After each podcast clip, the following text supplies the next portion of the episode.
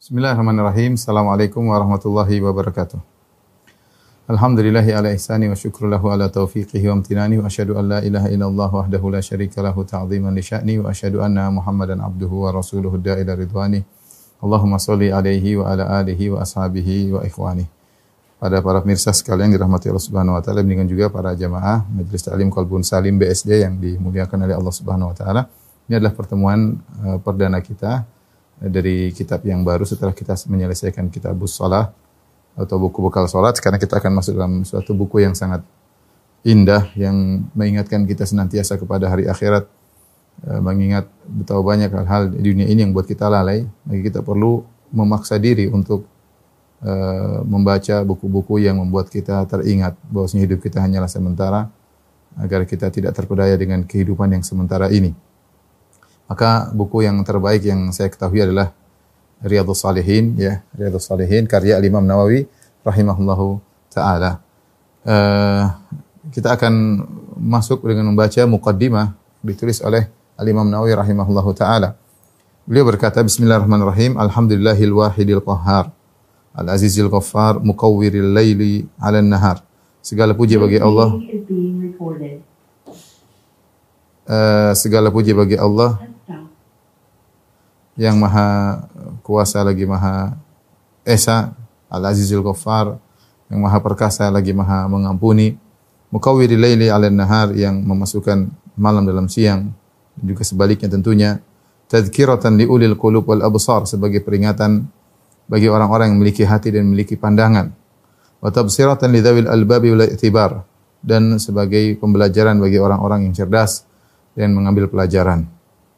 Ya, beliau memuji Allah Subhanahu wa taala ya. Artinya beliau mengingatkan bahwasanya perubahan siang dan malam inilah tazkirah, peringatan dan juga memberi pelajaran bahwasanya uh, kondisi bisa berubah-ubah dari malam menjadi siang, siang menjadi malam, dari hidup bisa menjadi kematian. Alladzi ayqadha min khalqihi man istafahu fazahadahum fi hadhihi dar. Ialah Allah Subhanahu wa taala yang telah menyadarkan dari sebagian manusia yang dipilih oleh Allah Subhanahu wa taala, Allah menyadarkan mereka, fazahadahum, maka Allah jadikan mereka menjadi zuhud fi hadhihi dar, menjadi zuhud terhadap dunia ini. Wa bi muraqabatihi wa idamatil afkar.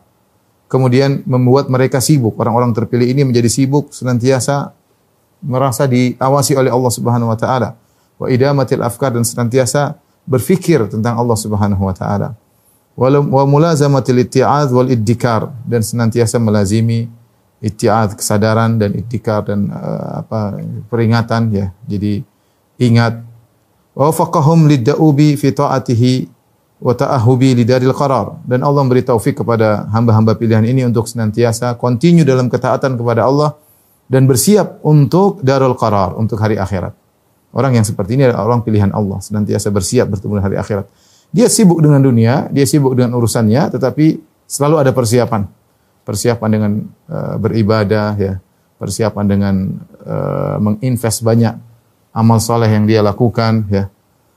Wal hadar mimma yuskhituhu wa yujibu daral bawar dan senantiasa waspada terhadap perkara-perkara yang bisa membuat Allah murka kepadanya dan bisa membuat dia terjerumus dalam lembah kebinasaan. Wal muhafadha ala dzalika ma ataghayyurul ahwal wal atwar dan juga Allah beri taufik kepada dia untuk bisa menjaga hal ini. Senantiasa berusaha bertakwa persiapan kepada hari akhirat. Khawatir dengan apa yang membuat Allah murka. Dia bisa menjaga hal ini. Ma'ataghayyuril ahwal meskipun kondisi berubah-ubah wal atwar dan tingkatan berubah-ubah artinya dia bisa bertahan eh, istiqamah ya. Dalam kondisi lapang dalam kondisi sempit dalam kondisi non pandemi dalam kondisi pandemi dalam kondisi ketika dia muda dalam kondisi ketika dia tua dalam kondisi uh, dalam kondisi sehat dalam kondisi sakit dia berusaha menjaga ketakwaannya. Ini orang-orang spesial yang dipilih oleh Allah untuk bertakwa kepada Allah Subhanahu wa taala. Ya. Dia ini mukadimah yang dibawakan oleh Imam Nawawi berisyarat kepada kita untuk perhatian terhadap buku ini agar ini buku ini membantu kita untuk zuhud untuk semangat beribadah ya untuk selalu ingat akhirat akhirat ya, untuk mengingat Allah Subhanahu wa taala karena buku ini isinya tentang amalan hati, tentang adab-adab ya, tentang hal-hal yang membuat kita bersiap untuk bertemu dengan hari akhirat. Kapan-kapan kita dipanggil oleh Allah sewaktu-waktu tanpa kita uh, tanpa kita duga-duga biasanya tiba-tiba Allah mencabut nyawa seseorang. Ahmaduhu ablagu hamdin wa azkahu wa ashmalahu wa anmahu. Aku muji Allah Subhanahu wa taala dengan pujian yang ter, ter paling paling paling mencapai pujian yang paling sempurna, pujian yang paling eh, yang paling mulia, yang paling suci, yang paling mencakup, yang paling eh, yang paling berkembang ya. Wa asyhadu an la ilaha illallah al-barrul karim dan aku bersaksi bahwasanya tidak ada sembahan yang berhak disembah kecuali Allah yaitu al-bar yang maha baik, al-karim yang maha mulia. Ar-Raufur Rahim, yang maha lembut, yang maha penyayang. Wa asyhadu anna Muhammadan abduhu wa rasul. Dan aku bersaksi bahwasanya Muhammad adalah hamba Allah dan rasulnya. Wa habibuhu khaliluhu dan Rasulullah adalah kekasihnya dan kecintaannya. Al-hadi ila sirati mustaqim yang beri petunjuk kepada jalan yang lurus. Wa da'i ila din qawim yang menyeru kepada agama yang lurus. Salawatullahi wa salamuhu alaihi wa ala sairi nabiyyin. Semoga salawat Allah dan salamnya senantiasa tercurahkan kepada Nabi Muhammad wasallam dan juga kepada seluruh para nabi wa ali kullin wasairi salihin dan juga kepada keluarganya dan juga kepada seluruh orang-orang yang saleh. Amma ba'du. Jadi Imam Nawawi berkata, Faqad qala Allah Ta'ala, Allah telah berfirman, "Wa ma khalaqtul jinna wal insa illa liya'budun." Sungguhnya aku telah menciptakan tidaklah aku menciptakan jin dan manusia kecuali untuk beribadah kepadaku. Ma uridu minhum min rizqin wa ma uridu ayyut'imun. Aku tidak butuh dari mereka rizki dan aku tidak butuh mereka memberi makan kepadaku. Surat Az-Zariyat. Wa hadha tasrihun bi annahum khuliqu lil ibadah. Ini penegasan dari Allah bahwasanya manusia diciptakan untuk beribadah. Fa haqqun alaihim al-i'tina'u bima khuliqu lahu. Maka wajib bagi mereka untuk serius terhadap tujuan diciptakannya mereka. Untuk serius bahwasanya mereka diciptakan oleh Allah, tidak lain untuk beribadah. Maka mereka ketika diciptakan harus serius dengan tujuan ini. Ya. Wal i'rad an hududhi dunya bizahadah dan hendaknya berusaha berpaling dari uh, apa namanya uh, dari bagian-bagian dunia ya dari urusan-urusan dunia dengan zuhud kepada perkara-perkara dunia. Ya dengan zuhud ya. Bukan berarti harus meninggalkan dunia tidak. Tapi dia harus punya cara berpalingnya adalah dengan zuhud kepada dunia. Apakah dunia tersebut dia miliki atau tidak dia miliki? Dia harus zuhud terhadap dunia tersebut. Fa innaha daru nafadin la mahalu ikhlad. Karena dunia ini adalah tempat yang akan sirna bukan tempat untuk keabadian. Wa markabu uburin laman zilu huburin hanyalah tempat untuk menyeberang bukan untuk tempat bersenang-senang, bukan tempat tinggal untuk bersenang-senang. Wa masyra'u infisamin la mautinu dawamin dan inilah awal dari keterputusan ya karena di dunia kita sudah di dunia kita akan terputus suatu saat. Akan terputus dari dunia ini. Begitu kita di dunia, itulah awal dari kita menuju kepada terputusnya kita dengan dunia wala mautinu dawami dan ini bukan tempat untuk uh, kesinambungan, bukan tempat untuk berkesinambungan di dunia ini. Falihada kanal aiqadhu min ahliha humul ubbad. Oleh karenanya orang-orang yang sadar, yang terjaga dari penghuni dunia adalah orang-orang yang ahli ibadah. Wa aqalun nasi fiha humuz zuhad. Orang yang paling cerdas dari penghuni dunia adalah orang yang zuhud kepada dunia. Qala Allah Ta'ala, Allah berfirman, Innama mathal hayatid dunya kama in anzalnahu minas sama' فاختلط بنبات الأرض مما يأكل الناس والأنام حتى إذا أخذت الأرض زخرفها وزينت وظن أهل أنها أنهم قادرون عليها أتاها أمرنا ليلا أو نهارا فجعلنا حصيدا كأن لم تغن بالأمس كذلك نفصل الآيات لقوم يتفكرون disebut tentang ayat tentang makna ini banyak sekali yaitu Allah mengatakan sungguhnya perumpamaan dunia seperti air yang kami turunkan dari langit kemudian masuk ke bumi bercampurlah dengan tumbuhan yang menjadi hijau yang dimakan oleh manusia, ya banyak tumbuhan, ya buah-buahan yang dimakan oleh uh, tumbuhan dimakan oleh hewan-hewan ternak sampai ketika bumi menampakkan keindahannya dengan hijaunya uh, tumbuh-tumbuhan, muncullah bunga-bunga mawar, muncullah keindahan ketika turun hujan kemudian dilihat segar ya.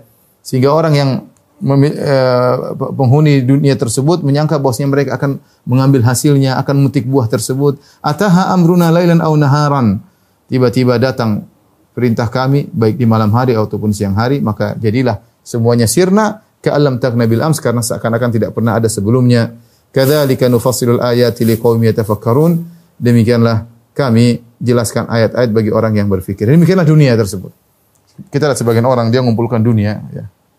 Ya kalau dia zuhud tidak ada masalah. Dia gunakan untuk eh, bersedekah dia gunakan untuk jalan Allah Subhanahu wa taala untuk menyenangkan karib kerabatnya untuk membahagiakan anak istrinya, tapi dunia tidak masuk di hatinya.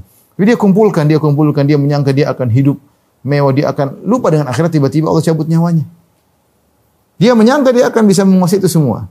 Tiba-tiba lenyaplah dia, dia meninggal dunia seakan-akan apa yang dikerjakan selama ini tidak ada faedahnya sama sama sekali. Dan betapa banyak orang yang seperti itu. Lagi tenggelam-tenggelamnya dengan dunia di puncak-puncak keberhasilan tiba-tiba Allah cabut nyawanya. Wal ayat fi hadzal ma'na katsira dan ayat-ayat yang semakna dengan ini mengingatkan bahwasanya dunia hanyalah sementara, indah dipandang, ya, manis dirasakan tapi hanya sementara. Tiba-tiba sirna begitu saja. Ya. Ya. Walaqad ahsanal qail dan sungguh ya orang yang menyampaikan syair ini telah berbuat baik ya. Tunggu indah perkataannya. Seorang penyair berkata, "Inna lillahi ibadan futana." Sungguhnya Allah memiliki hamba-hamba yang cerdas Talaqud dunya wa khawful fitana. Mereka menceraikan dunia dan mereka takut dengan fitnah-fitnah dunia. Nadharu fiha falamma alimu ya. Tatkala mereka melihat hakikat dunia dan mereka sadar annaha laysat lihayyin wa tana. Mereka sadar bahwasanya dunia bukanlah tempat untuk tinggal. Ja'aluha lujjatan wattakhadhu salihal a'mali fiha sufuna. Maka mereka anggap dunia ini seperti lautan yang penuh dengan ombak dan mereka menjadikan amal soleh mereka sebagai perahu atau kapal yang menyelamatkan mereka dari ombak-ombak yang sangat mudah menenggelamkan manusia ya. Inilah uh, ini syair di kalau tidak salah diucapkan oleh At-Turtusi saya perlu cek lagi tapi intinya ini syair dinukil oleh Imam Nawawi rahimahullahu taala ya. Uh, yang ditulis oleh para ulama tentang orang-orang yang cerdas, itu orang-orang yang tidak masukkan dunia dalam hatinya. Mereka menceraikan dunia. Mereka menceraikan. Dunia di tangan mereka dan mereka cerai ceraikan dunia tersebut, tidak dimasukkan dalam hati mereka. Kenapa? Wa khauful fitnah. Mereka takut fitnah. Ini kita bicara zaman dahulu. Yang fitnah mungkin tidak sebanyak ya berkobar seperti zaman sekarang. Fitnah dengan berbagai macam bentuknya, syahwat dan syubhat dengan berbagai mana berbagai macam sarananya, ya. Nadharu fiha tatkala mereka melihat tentang hakikat dunia, mereka tahu bahwasanya dunia bukanlah tempat untuk tinggal. Si fulan meninggal, teman-teman kita meninggal ya banyak teman-teman saya di HP namanya masih ada orang yang sudah tidak ada. Saya kadang lagi searching, saya sedih melihat nama-nama mereka masih tercantum di daftar nomor telepon saya orang-orangnya sudah tidak tidak ada ya. Ada di antara mereka yang meninggal dalam kondisi tua dan dalam kondisi muda. Jadi dunia bukan tempat untuk tinggal. Ja'alu halujatan maka mereka menganggap dunia ini hanyalah seperti lautan yang penuh dengan ombak, penuh dengan fitnah. Bagaimana untuk selamat? Wa takhadhu salihal a'mali fiha sufuna. Mereka menjadikan amal-amal saleh seakan-akan seperti kapal yang akan menyelamatkan mereka dari ombak-ombak yang ada di lautan tersebut. Kemudian beliau berkata Imam Nawawi rahimahullah taala, "Fa idza kana haluha ma wasaftuhu wa haluna wa ma khuliqna lahu ma qaddamtuhu." Jika demikian kondisi dunia yang sebagaimana saya jelaskan dan kondisi kita dan tujuan kita diciptakan sebagaimana tadi saya juga saya jelaskan yaitu untuk beribadah, fa haqqun 'alal mukallaf an yadhhaba bi nafsihi madhhab al-akhyar. Maka wajib bagi seorang yang al-mukallaf yaitu kita yang dibebani untuk beribadah an yadhhab bi nafsihi madhhab al-akhyar. Hendak dia memilih jalan orang-orang terpilih. Dia, dunia akan dia hadapi banyak banyak pilihan, banyak opsi untuk dia jalani. Mau opsi begini ada, mau opsi begini ada. Tapi kata Imam Nawawi pilihlah opsi orang-orang yang terpilih, yang cerdas. Wa yasluku maslaka ulin nuha. Kemudian dia menempuh jalan orang-orang yang cerdas wal absar oleh Nuha yang cerdas dan cerdik.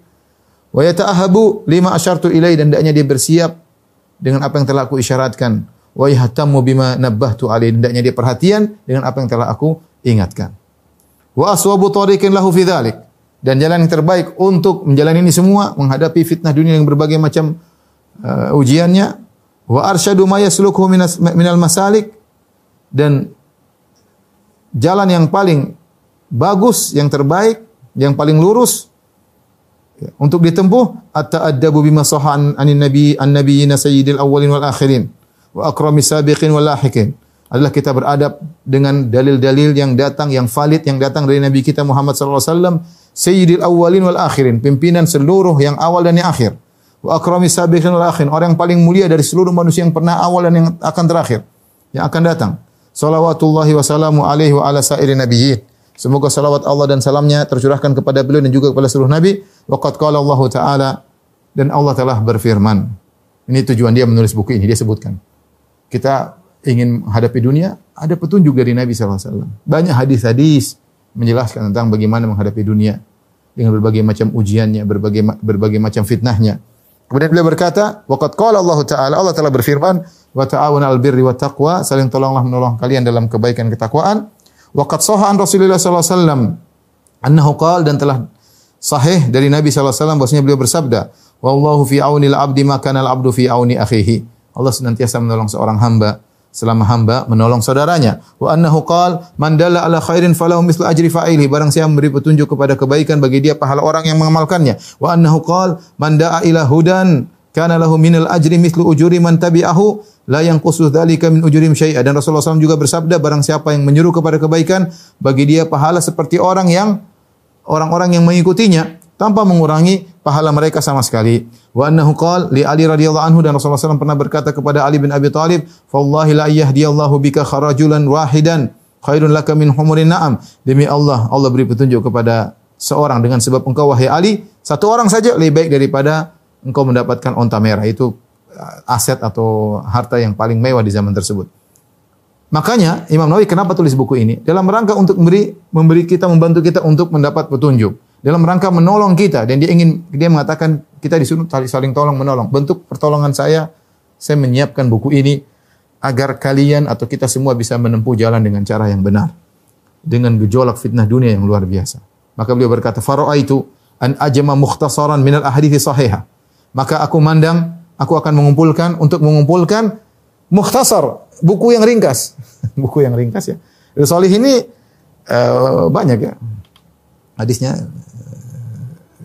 berapa ribu saya kurang tahu tapi lebih dari seribu tentunya ya menurut dia ini buku-buku yang ringkas ya yang disyarah oleh Syekh Utsaimin rahimahullah ini bukunya satu jilid segini ya ada enam jilid enam jilid Syarah Riyadhus Shalihin ini jilid pertama ya uh, jadi mengumpulkan hadis-hadis mustamilan alama yakunu tariqan li sahibihi ilal akhirah yang hadis-hadis tersebut mengandung apa yang menunjukkan yang merupakan jalan menuju akhirat. Jadi dia membantu kita ini. Eh, Imam Nawawi rahimahullah semoga Allah beri dia balas yang terbaik, membantu kita untuk bisa menempuh jalan yang terbaik dalam menghadapi fitnah dunia. Ya, apalagi di zaman sekarang. Umuhassilan li adabihi al-batina wa zahirah. Demikian juga agar bisa memiliki adab-adab ya, baik yang batin maupun yang zahir. Jami'an li targhibi wa tarhib. Yang di mana hadis-hadis ini juga mencakup targhib dan tarhib, motivasi dan peringatan. Wasairi anwa'i ada bisalikin dan juga berbagai macam adab-adab yang ditempuh oleh salik. Salik itu orang yang ingin zuhud di atas muka bumi bagaimana adab-adabnya di termaktub dalam buku yang saya tulis ini. Min ahadithi zuhud tentang hadis zuhud, wariyadatin wariyadatin nufus dan juga bagaimana melatih jiwa. Ya, wa tahdhibil akhlak, hadis-hadis yang akan saya bawakan dalam buku ini juga apa memanajemen akhlak, bagaimana memanage akhlak seseorang. Wa taharatil qulub wa ilajiha. Demikian juga bagaimana mensucikan hati dan bagaimana menyembuhkan penyakit-penyakit hati. Wa siyanatil jawarih wa izalati iwajiha dan juga untuk menjaga anggota tubuh agar tidak bermaksiat. Ya. Dan juga menghilangkan kepincangan-kepincangan kekurangan yang ada pada tubuh. Maksudnya dalam dalam beribadah kepada Allah Subhanahu wa taala. Wa ghairi dzalika min maqasidil arifin dan juga hal-hal yang lain yang merupakan tujuan dari orang-orang yang arif billah yang berusaha dengan Allah Subhanahu wa taala. Beliau berkata, "Wa altazimu fihi alla adhkura illa hadisan sahihan minal wadihat." Dan aku melazimkan diriku pada buku ini untuk tidak menyebutkan kecuali hadis yang sahih. Yang jelas, ya. Ini syaratnya Imam Nawawi dia mengatakan. Jadi seluruh hadis dalam Riyadhus Shalihin disahihkan oleh Imam Nawawi. Meskipun nanti ada khilaf, ada ulama yang mudhaifkan, tapi Imam Nawawi ahli hadis. Menurut dia semua hadis yang dibawakan ini dinilai oleh dia adalah hadis yang yang sahih. Meskipun kenyataannya ada juga hadis yang mungkin lemah menurut pendapat sebagian ulama.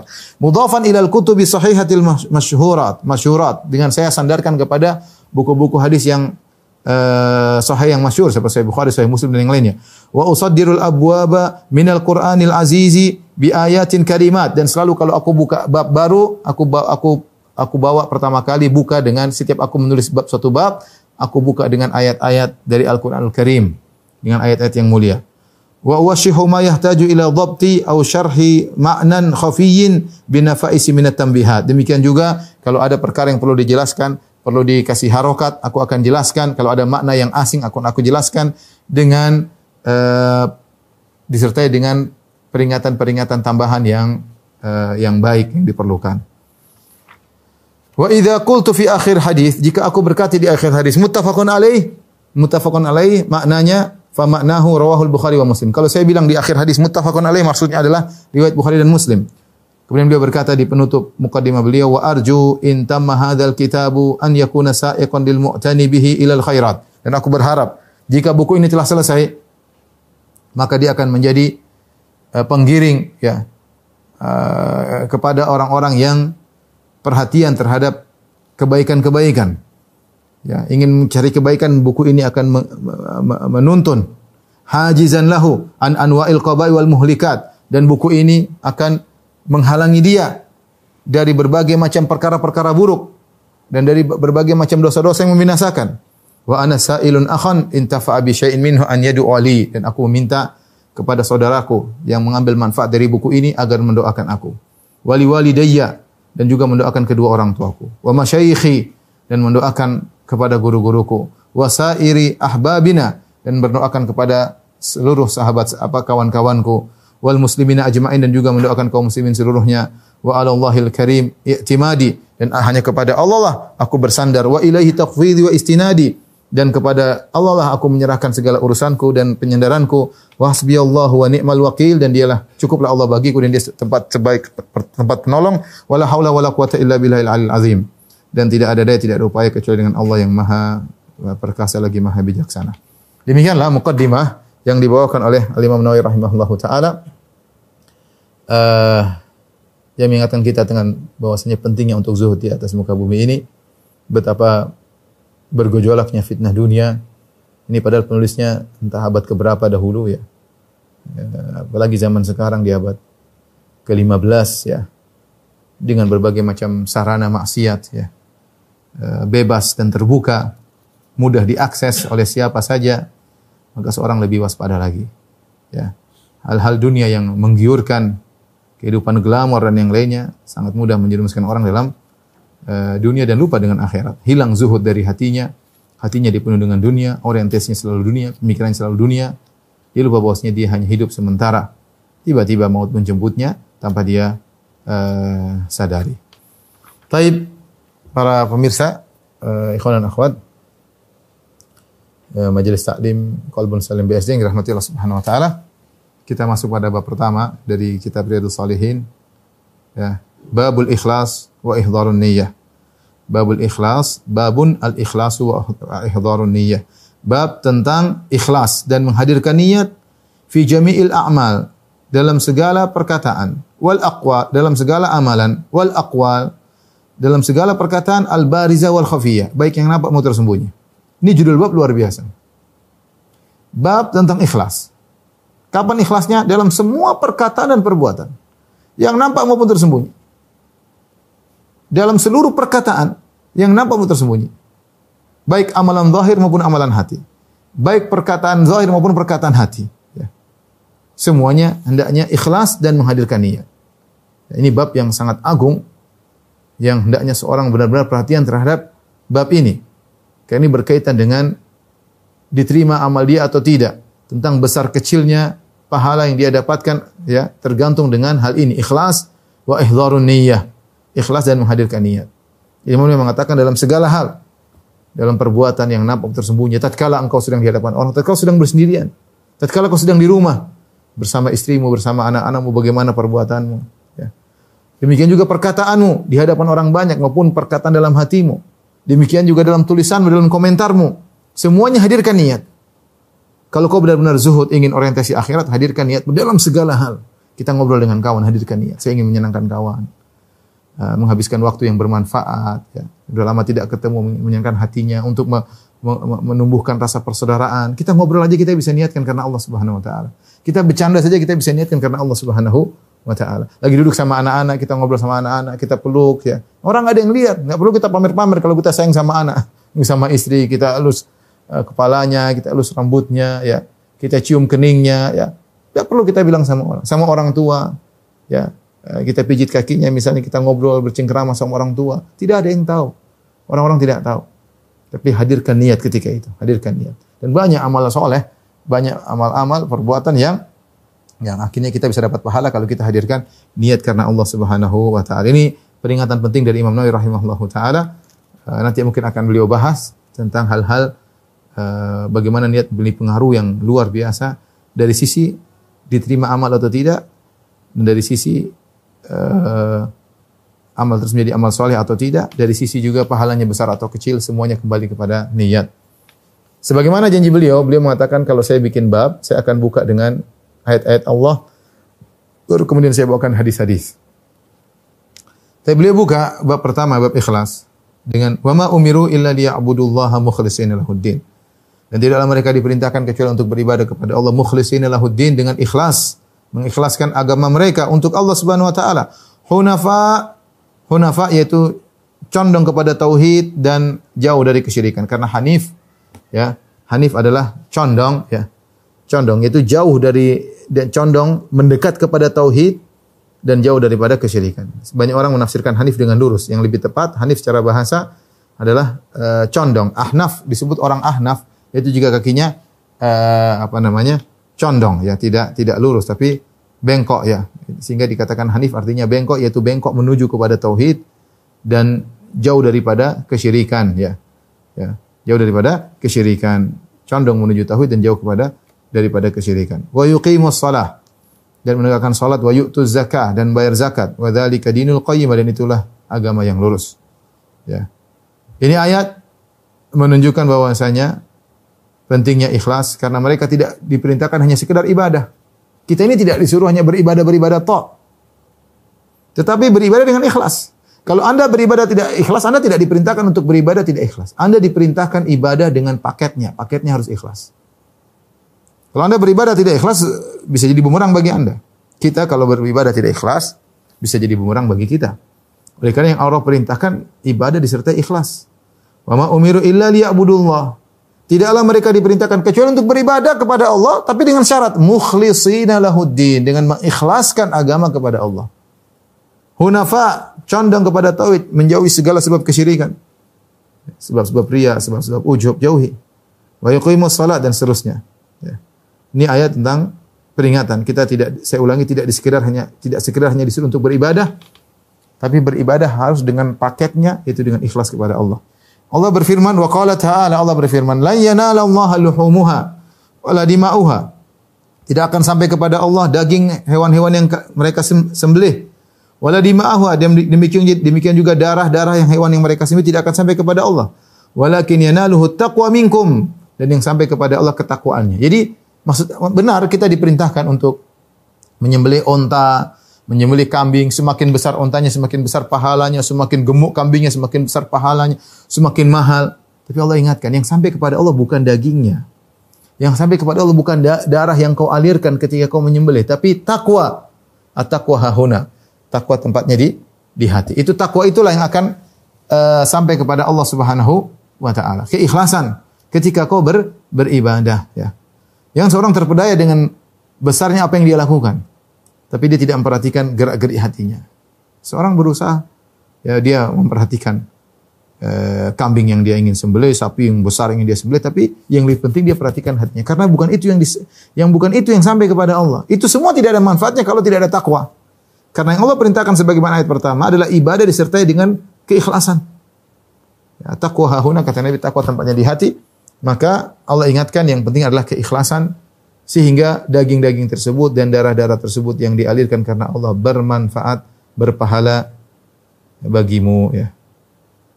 Kemudian Allah berfirman wa qala ta'ala Allah berfirman kul in tukhfu ma fi sudurikum Katakanlah jika kalian menyembunyikan apa yang dalam hatimu, dadamu, atau tubuduhu atau kalian tampakkan ya'lamullah. Allah Maha mengetahui. Kalian sembunyikan atau tampakkan sama saja bagi Allah. Kata Allah wa asirru qawlakum aw jahriu bih.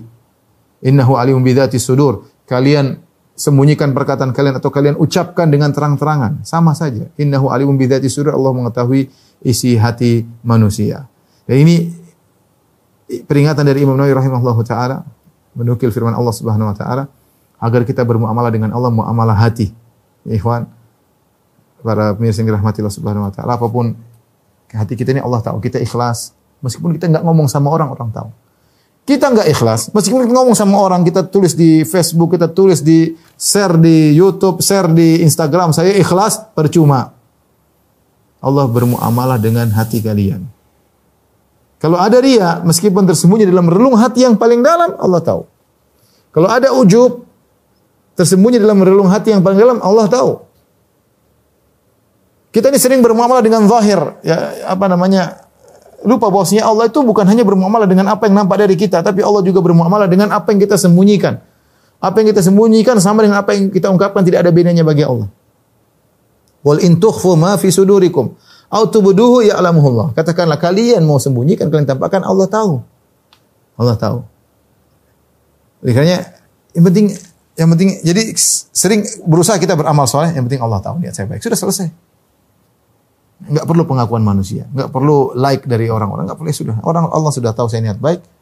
Sebagaimana Allah melihat saya ketika saya beramal, Allah juga melihat hati saya ketika saya sedang beramal. Ya.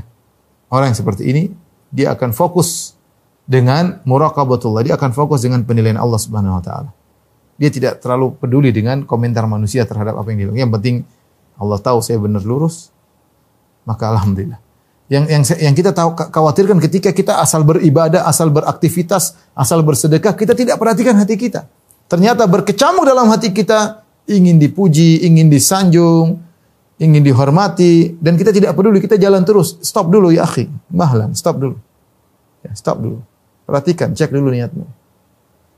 Agar ingat bahwasanya yang dinilai oleh Allah yang sampai kepada Allah bukan harta yang kau keluarkan, bukan kambing yang kau sembelih, bukan sapi yang kau sembelih. Walakin yanaluhu taqwa minkum. Tapi ketakwaan yang ada pada dirimu yang akan sampai kepada Allah Subhanahu wa taala. Kau tampakkan, kau, kau sembunyikan, ya Allah tahu. Ini ayat-ayat uh, yang memperingatkan kita tentang pentingnya kita untuk memperhatikan masalah hati untuk ikhlas kepada Allah Subhanahu wa taala.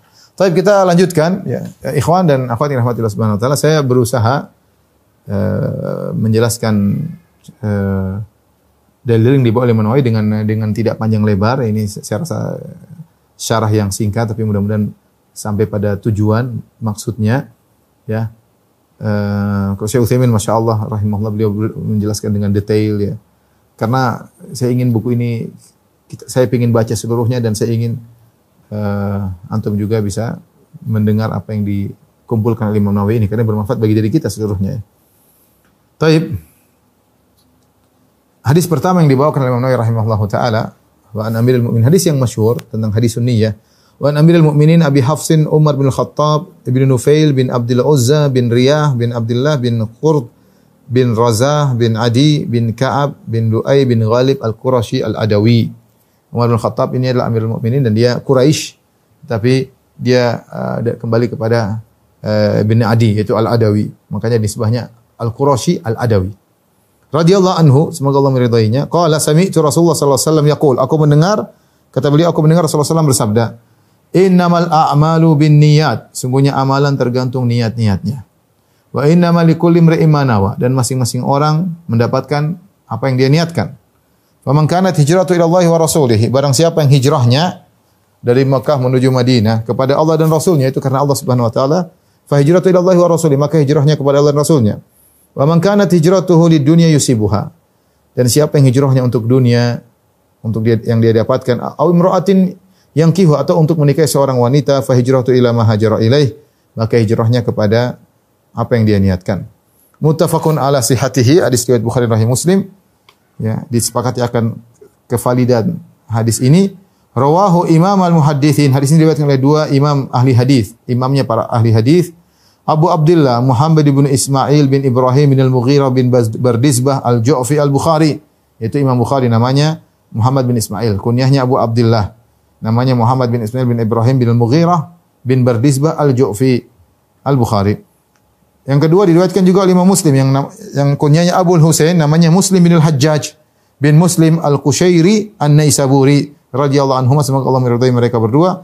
Fi sahihaihima diriwayatkan dalam dua buku mereka yaitu Sahih Bukhari Sahih Muslim alladaini huma asahul kutubil musannafah yang kedua buku tersebut adalah buku-buku hadis yang paling sahih yang pernah dituliskan Sahih Bukhari dan Sahih Muslim tapi kita akan syarah ringkas hadis ini. Di sini masyhur, bahkan sudah saya syarah berulang-ulang dalam syarah Arba'in Nawawi, tapi saya ingin menyampaikan poin-poin yang penting saja.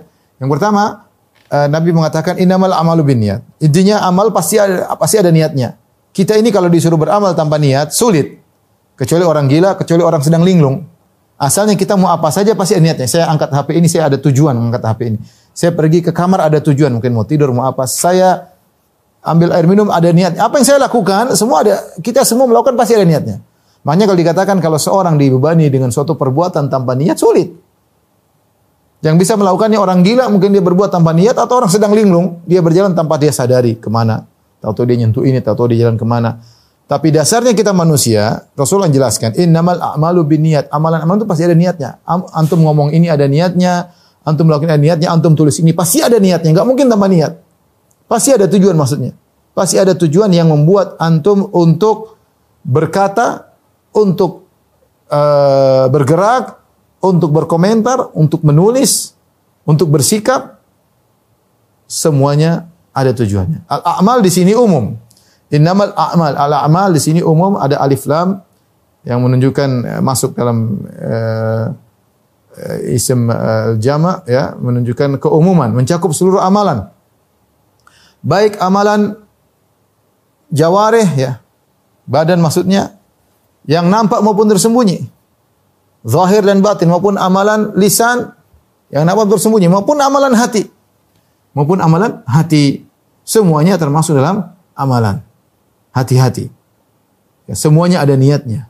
Semua ada niatnya. Oleh karenanya yang tadi yang menakjubkan uh, San'ani ketika mengomentari di sini dia, dalam kitabnya Al-Uddah uh, dia menyebut tentang bahwasanya ini mencakup seluruh seluruh amalan termasuk amalan hati termasuk berfikir. Orang berfikir ada tujuannya.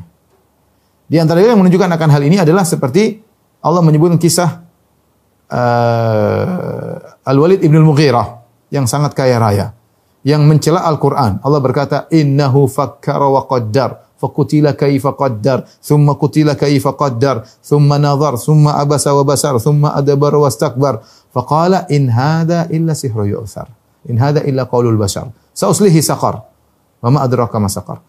Al-Walid bin Mughirah innahu fakkara. Fakkara wa qaddar. Dia berfikir.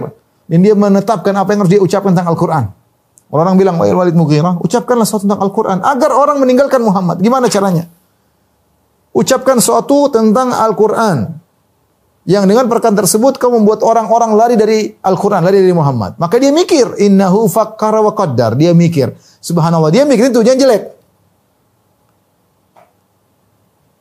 Sehingga apa yang kita lakukan, jangankan kita menggoyangkan tangan, jangankan kita melangkahkan kaki, kita ngomong pasti ada tujuannya. Kita mikir pasti ada tujuannya. Kita duduk saya mikir-mikir apa ada tujuannya kita mikir. Makanya memikir aja itu terkadang bisa berpahala.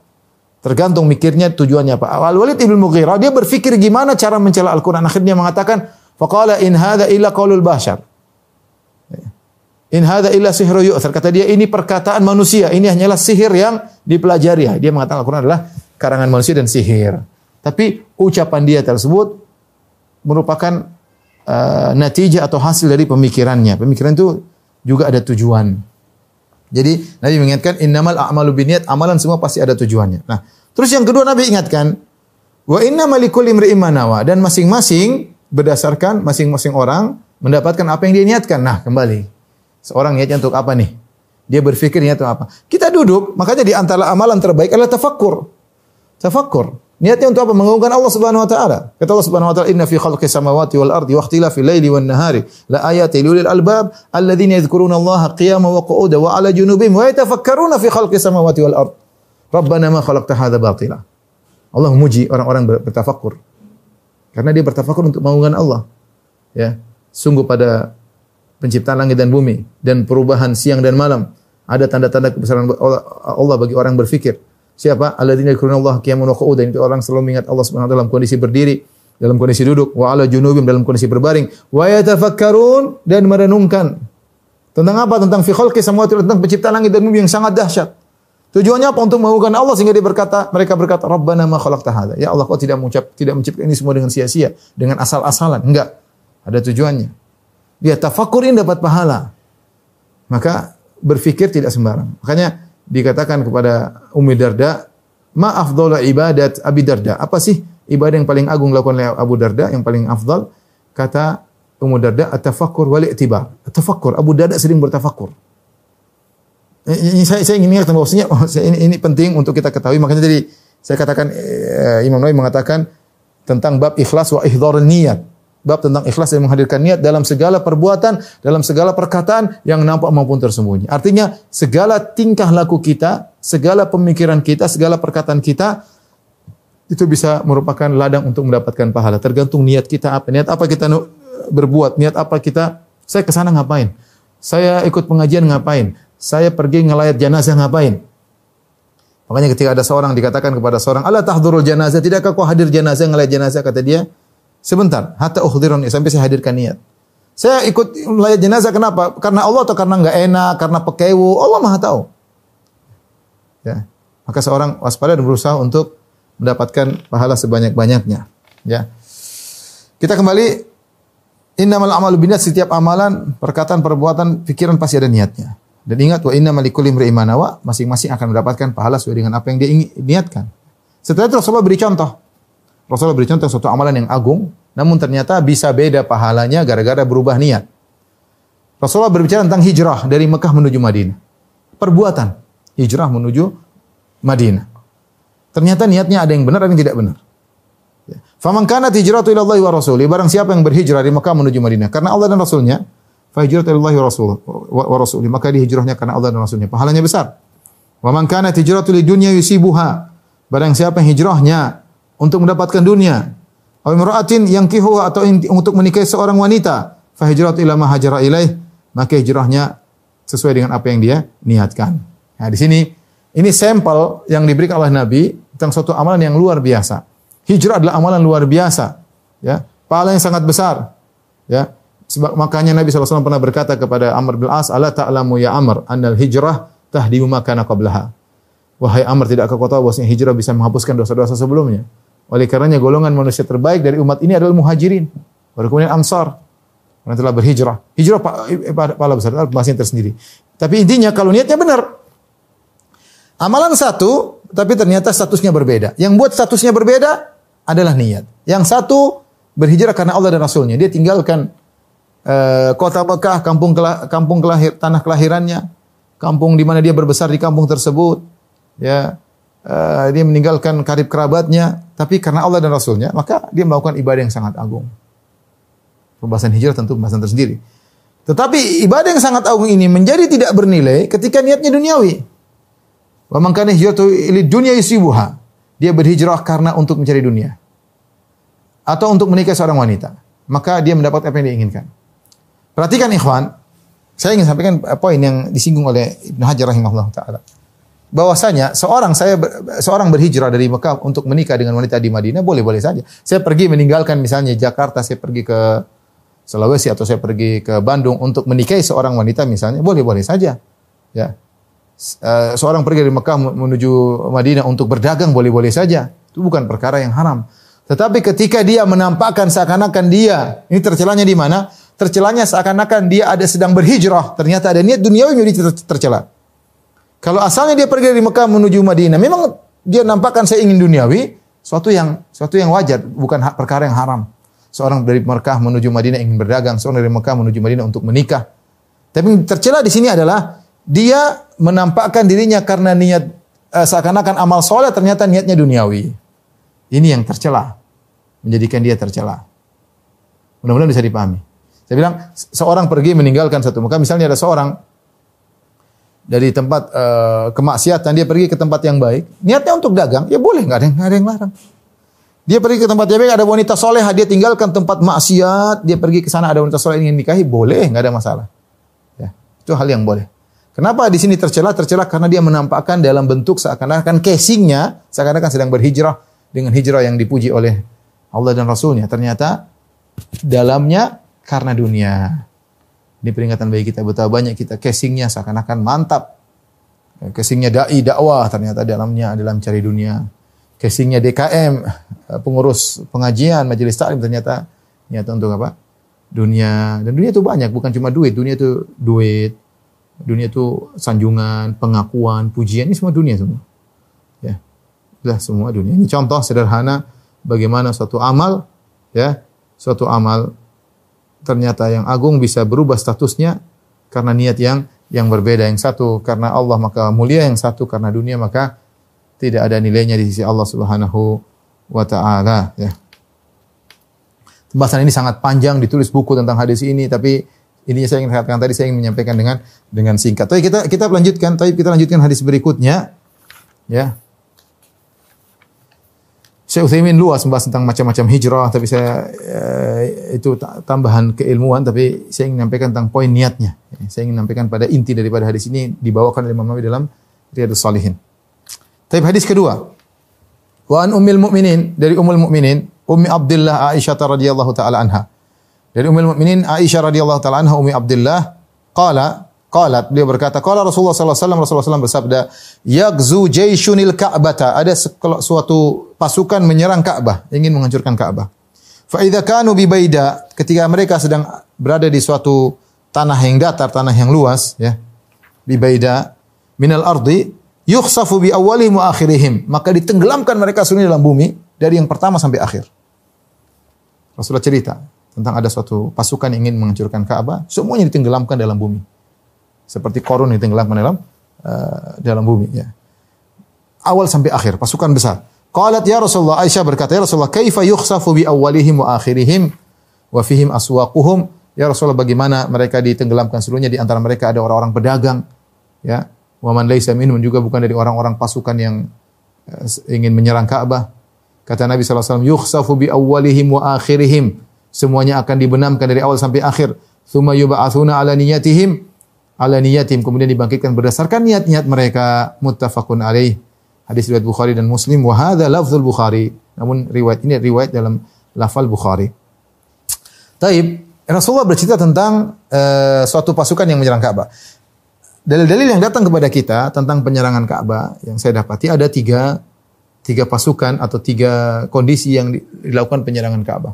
Yang pertama yang Allah sebut dalam surat Al-Fil tentang Raja Abraha yang menyerang Ka'bah Eh, mereka kemudian uh, diserang oleh uh, kumpulan burung-burung yang melemparkan batu yang panas kepada mereka sehingga mereka tewas seluruhnya. Sebagian mereka buta dan sebagiannya mereka cacat. Abrah sendiri tewas. Ya, intinya ini sudah kita bahas dalam tafsir surat Al-Fil. Ini yang sampai kepada kita tentang penyerangan Ka'bah. Kemudian Rasulullah juga sebutkan di akhir zaman sebelum hari kiamat ada seorang dari Habasyah berwarna hitam, berkulit hitam, kemudian Eh, kakinya agak bengkok, kurus, kemudian dia mencongkel Ka'bah. Dia mencongkel Ka'bah. Ka'bah dijatuhkan satu demi satu. Itu di penghujung hari kiamat tatkala sudah tidak ada yang mengagungkan Allah Subhanahu wa taala, ketika tidak ada yang mengagungkan Allah Subhanahu wa taala, maka Ka'bah pun tidak dijaga oleh Allah Subhanahu wa taala. Maka Ka'bah dihancurkan. Di antara dua kejadian ini ada kejadian yang ketiga di tengah-tengah di antara kedua kejadian ini, yaitu kejadian di masa depan suatu pasukan yang akan menyerang Ka'bah, mereka sudah berkumpul pasukan di suatu lapangan yang datar, tiba-tiba mereka ingin menyerang Ka'bah, mereka ditenggelamkan oleh Allah Subhanahu wa taala. Kapan terjadinya? Wallahu alam bisawab. Bukan kita bicara tentang hal itu yang kita yang kita inginkan bicara tentang apa faedah dari hadis ini berkaitan dengan niat. Berkaitan dengan niat. Perhatikan di sini, Rasulullah SAW berkata, "Yagzu, yagzu jaysunil Ka'bah." Ada suatu pasukan ingin menyerang Ka'bah. Tatkala mereka di suatu dataran yang luas, yukhsafu bi awwali wa akhir, jadi mereka ditenggelamkan. Aisyah cerdas. Dia tahu bahwasanya pasukan tersebut berbagai macam model. Maka dia bertanya ini cerdasnya Aisyah radhiyallahu anha. Ya Rasulullah, kaifa bagaimana dibenamkan yukhsafu bi awwalihim wa akhirihim? Bagaimana ditenggelamkan seluruhnya? Di situ ada orang-orang yang dipaksa. Wa fihim aswaquhum. Wa man laysa minhum di antara mereka ada orang-orang yang dipaksa karena ini menjumpai pasukan besar semuanya dipaksa suruh nyerang Ka'bah. Yang tidak mau ikut dipaksa. Orang-orang soleh pun disuruh ikut. Orang-orang pasar yang bukan prajurit disuruh ikut. Aisyah mengatakan ini pasukan besar, ada orang-orang yang dipaksa ya Rasulullah. Mungkin ada orang baik juga dipaksa. Tapi kenapa mereka dibenamkan seluruhnya? Rasulullah SAW mengatakan demikian aturan Allah, yukhsafu bi awwali akhirihim. Makanya dibenamkan kata Allah dalam Al-Qur'an, "Wattaqu fitnatan la tusibanna alladziina dzalamu minkum khassah." Dan takutlah kalian kepada suatu fitnah yang tidak menimpa orang yang zalim saja. Semuanya kena. Tetapi bukan berarti semuanya kena, semuanya neraka, tidak. Allah Maha Adil akan dibangkitkan. Makanya setelah itu Nabi Nabi mengatakan yukhsafu bi awwali wa akhirihim semuanya akan dibenamkan dari awal sampai akhir. Sebagaimana kita terkadang bencana, terkadang uh, musibah, semuanya kena. Bukan bukan cuma pelaku maksiat. Terkadang sebabnya pelaku maksiat sekelompok orang. Tapi yang kena rame-rame, yang baik maupun yang yang tidak baik maupun yang baik, ya. Itu sunnatullah seperti itu. Tapi ada pembedaan pada hari kiamat kelak. Kata Allah, "Tsumma yub'atsuna ala niyatihim." Kemudian mereka dibangkitkan berdasarkan niat-niat mereka. Artinya apa? Dalam pasukan tersebut, berbagai macam niat berkecamuk dalam pasukan. Ada yang niatnya benar-benar ingin menghancurkan Ka'bah, ada yang niatnya setengah-setengah, ada yang niatnya ingin menyenangkan, dia tidak tidak ingin menghancurkan Ka'bah tapi menyenangkan sang pemimpin. Ada niat karena terpaksa tidak ingin benci kalau disuruh menghancurkan Ka'bah. Niat mereka macam-macam. Di antara mereka orang soleh. Semuanya berbagai macam model. Ditenggelamkan seluruhnya. Namun perbedaan terjadi pada hari kiamat kelak dibangkitkan berdasarkan niatnya. Oleh karenanya ikhwan dan akhwat yang rahmati Allah niat sangat penting. Menunjukkan manusia dibangkitkan berdasarkan niatnya. Jadi kita lihat seorang Masya Allah ternyata niatnya buruk ya dibangkitkan berdasarkan niatnya. Hati-hati. Hati-hati. Jangan terpedaya dengan penampilan zahir. Kita nggak tahu tentang niat, justru manusia dibangkitkan berdasarkan uh, niatnya. Ini faedah utama dari hadis hadis ini. Tapi yang terakhir hadis terakhir sebelum kita buka tanya jawab. Ana Aisyah Ana Aisyah radhiyallahu taala anha dari Aisyah radhiyallahu anha qalat Qala Nabi sallallahu alaihi wasallam Nabi sallallahu alaihi wasallam bersabda la hijrata ba'dal fathi. Tidak ada hijrah setelah Fatu Makkah. Walakin jihadun wa niyatun. Akan tapi yang ada hanyalah jihad dan niat. Wa idza stunfirtum fanfiru. Jika kalian diperintahkan untuk berjihad maka berjihad berangkatlah. Muttafaqun alaih hadis riwayat Bukhari Muslim. Wa maknahu kata Imam maknanya la hijrata mim Makkah. Tidak ada hijrah lagi dari Mekah. Di annaha sarat dar Islam. Karena Mekah menjadi negeri Islam. Saya ulangi Rasulullah SAW bersabda la hijrata ba'dal fath. Tidak ada hijrah setelah Fatu Makkah. Walakin niyatun jihadun wa tetapi yang ada adalah jihad dan niat Wa idza stunfirtum famfiru. Jika kalian diperintahkan untuk berperang maka berperanglah. Berangkatlah berperang. Kemudian Nabi berkata la hijrata min Makkah. Maksud tidak ada hijrah setelah Fatu Makkah. Artinya tidak ada hijrah dari kota Makkah menuju meninggalkan kota Makkah menuju Madinah atau yang lainnya karena Makkah akan menjadi sudah menjadi negeri Islam. Hadis ini menjelaskan hijrah adalah ibadah yang agung, terutama hijrah dari Mekah menuju Madinah. Tetapi setelah Fatu Makkah, tidak akan pernah lagi ada hijrah dari Mekah. Karena hijrah di antaranya adalah berpindah dari negeri kufur ke negeri Islam. Itu di antara bentuk hijrah. Berpindah dari negeri Islam, negeri kufur menjadi negeri Islam. Di zaman Nabi, Mekah adalah negeri kufur. Dikuasai oleh orang Quraisy. Kaum muslimin disiksa, diintimidasi, dibunuh. Sehingga mereka harus meninggalkan Mekah, kampung halaman mereka yang sangat mereka cintai, tempat berdagang mereka, tempat mencari dunia mereka. Di situlah keluarga mereka, mereka harus tinggalkan. Meninggalkan Mekah menuju ke Madinah. Dan ibadah mereka, ibadah hijrah, pahala yang sangat luar biasa. Namun ketika Mekah pada tahun 8 Hijriah di, dikuasai oleh Nabi, terjadilah Fatu Mekah, maka Mekah dikuasai oleh Nabi SAW, jadilah Mekah menjadi negeri Islam. Ketika Mekah menjadi negeri Islam, tidak lagi hijrah dari Mekah menuju Madinah, karena Mekah juga negeri Islam. Maka tertutuplah hijrah dari Mekah menuju Madinah. Tidak lagi. Makanya la hijrah tabadal fathi. Tidak ada hijrah setelah Fatu Makkah. Artinya tidak ada hijrah dari Mekah menuju tempat yang lain ke Madinah. Karena Mekah sudah menjadi negeri Islam. Bahkan sebagian ulama berpendapat bahwasanya Mekah akan menjadi negeri Islam selama-lamanya sampai hari kiamat. Ya. Karena Nabi mengatakan la hijrata, tidak ada hijrah dari Mekah lagi karena Mekah sudah akan menjadi akan menjadi negeri Islam. Seterusnya. Tetapi yang tersisa walakin jihadun wa niyatun. Imam Nawawi dalam syarah sahih Muslim mengatakan Al-Minhaj syarah sahih Muslim akan tapi kalau kalian ingin mendapatkan pahala hijrah masih ada cara yang lain. Pahala hijrah dari Mekah menuju Madinah masih ada cara yang lain. Caranya bagaimana? Dengan berjihad. Dengan berjihad. Jihad terbuka. Akan ada jihad ya. Jika sesuai dengan uh, aturan uh, dengan syarat-syaratnya maka akan ada jihad sampai hari kiamat akan ada jihad ya. Ya. Uh, tapi ada yang mengatakan jihad wa niyah yang penting jihad tapi dengan niat yang tulus. Makanya Allah Nabi gandengkan walakin jihadun wa niyah itu jihad serta dengan niat yang tulus. Karena jihad tanpa niat enggak ada nilainya. Seorang yang berperang murni hanya untuk marah-marah, untuk menunjukkan keberaniannya, untuk menolong sukunya tanpa ada nilai keislaman maka tidak ada faedahnya. Hanya sekedar membela negerinya tanpa ada nilai keislaman nggak ada nilainya. Harus sertai dengan ikhlas kepada Allah Subhanahu wa taala. Makanya ketika Nabi SAW ditanya, "Ya Rasulullah, man qatala hamiyatan? Ya Rasulullah yang berjihad untuk karena membela sukunya. Man qatala uh, godbanan ada orang yang berperang karena marah ya Rasulullah. Man qatala uh, liyura ada orang berperang supaya orang tahu bagaimana kedudukannya. Man qatala syaja'ah ada orang berperang untuk menunjukkan keberaniannya. Man qatala liyuzkar? Ada orang berperang supaya dikenang. Ayu dzalika fi sabilillah? Mana di antara yang semua itu yang termasuk di jalan Allah kata Nabi cuma satu man qatala litakuna kalimatullahi al-ulya Barang siapa yang berjihad untuk menegakkan kalimat Allah, maka itu yang jihad. Itu yang jihad syar'i. Itu yang berpahala. Ya. Berperang hanya sekedar membela negeri tanpa ada niat karena kalau Allah Subhanahu wa taala enggak ada nilainya. Enggak ada nilainya, bukan nilai jihad jalan Allah Subhanahu wa taala. Seorang berperang, misalnya negeri kita negeri Indonesia kita bela karena ini negeri kaum muslimin uh, diperjuangkan oleh pahlawan-pahlawan kita yang notabene rata-rata orang Islam ya agar orang Islam bisa beribadah dengan tenang agar kalimat Allah bisa tegak di bumi pertiwi ini. Kalau niatnya seperti itu baru dikatakan dia jihad.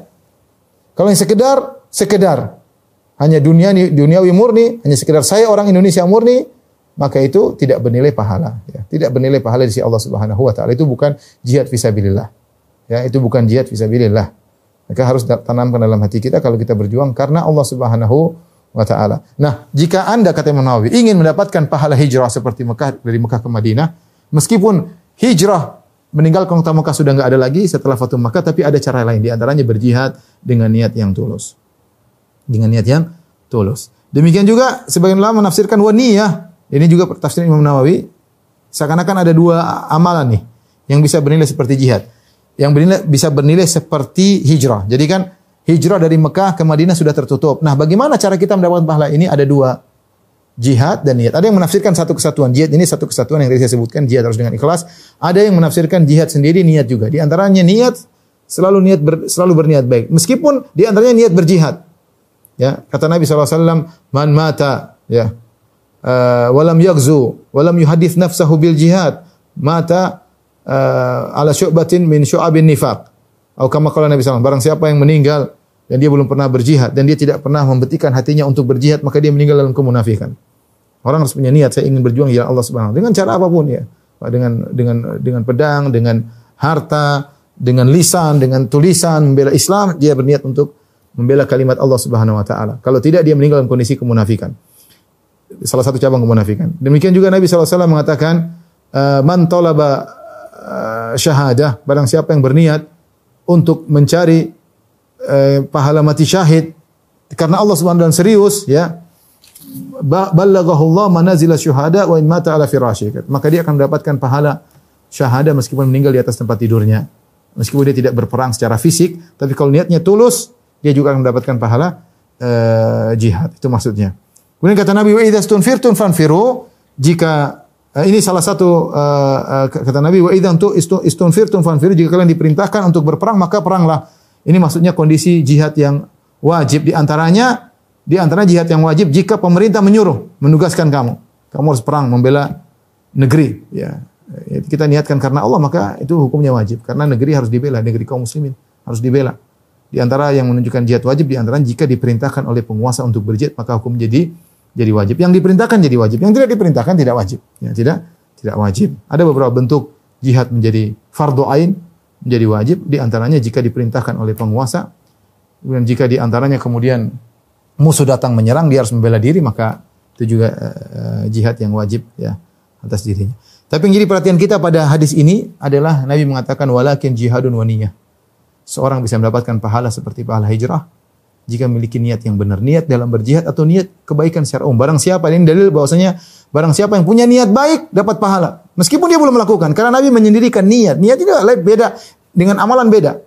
Sekarang Nabi mengatakan niat yang baik ya sudah merupakan pahala tersendiri.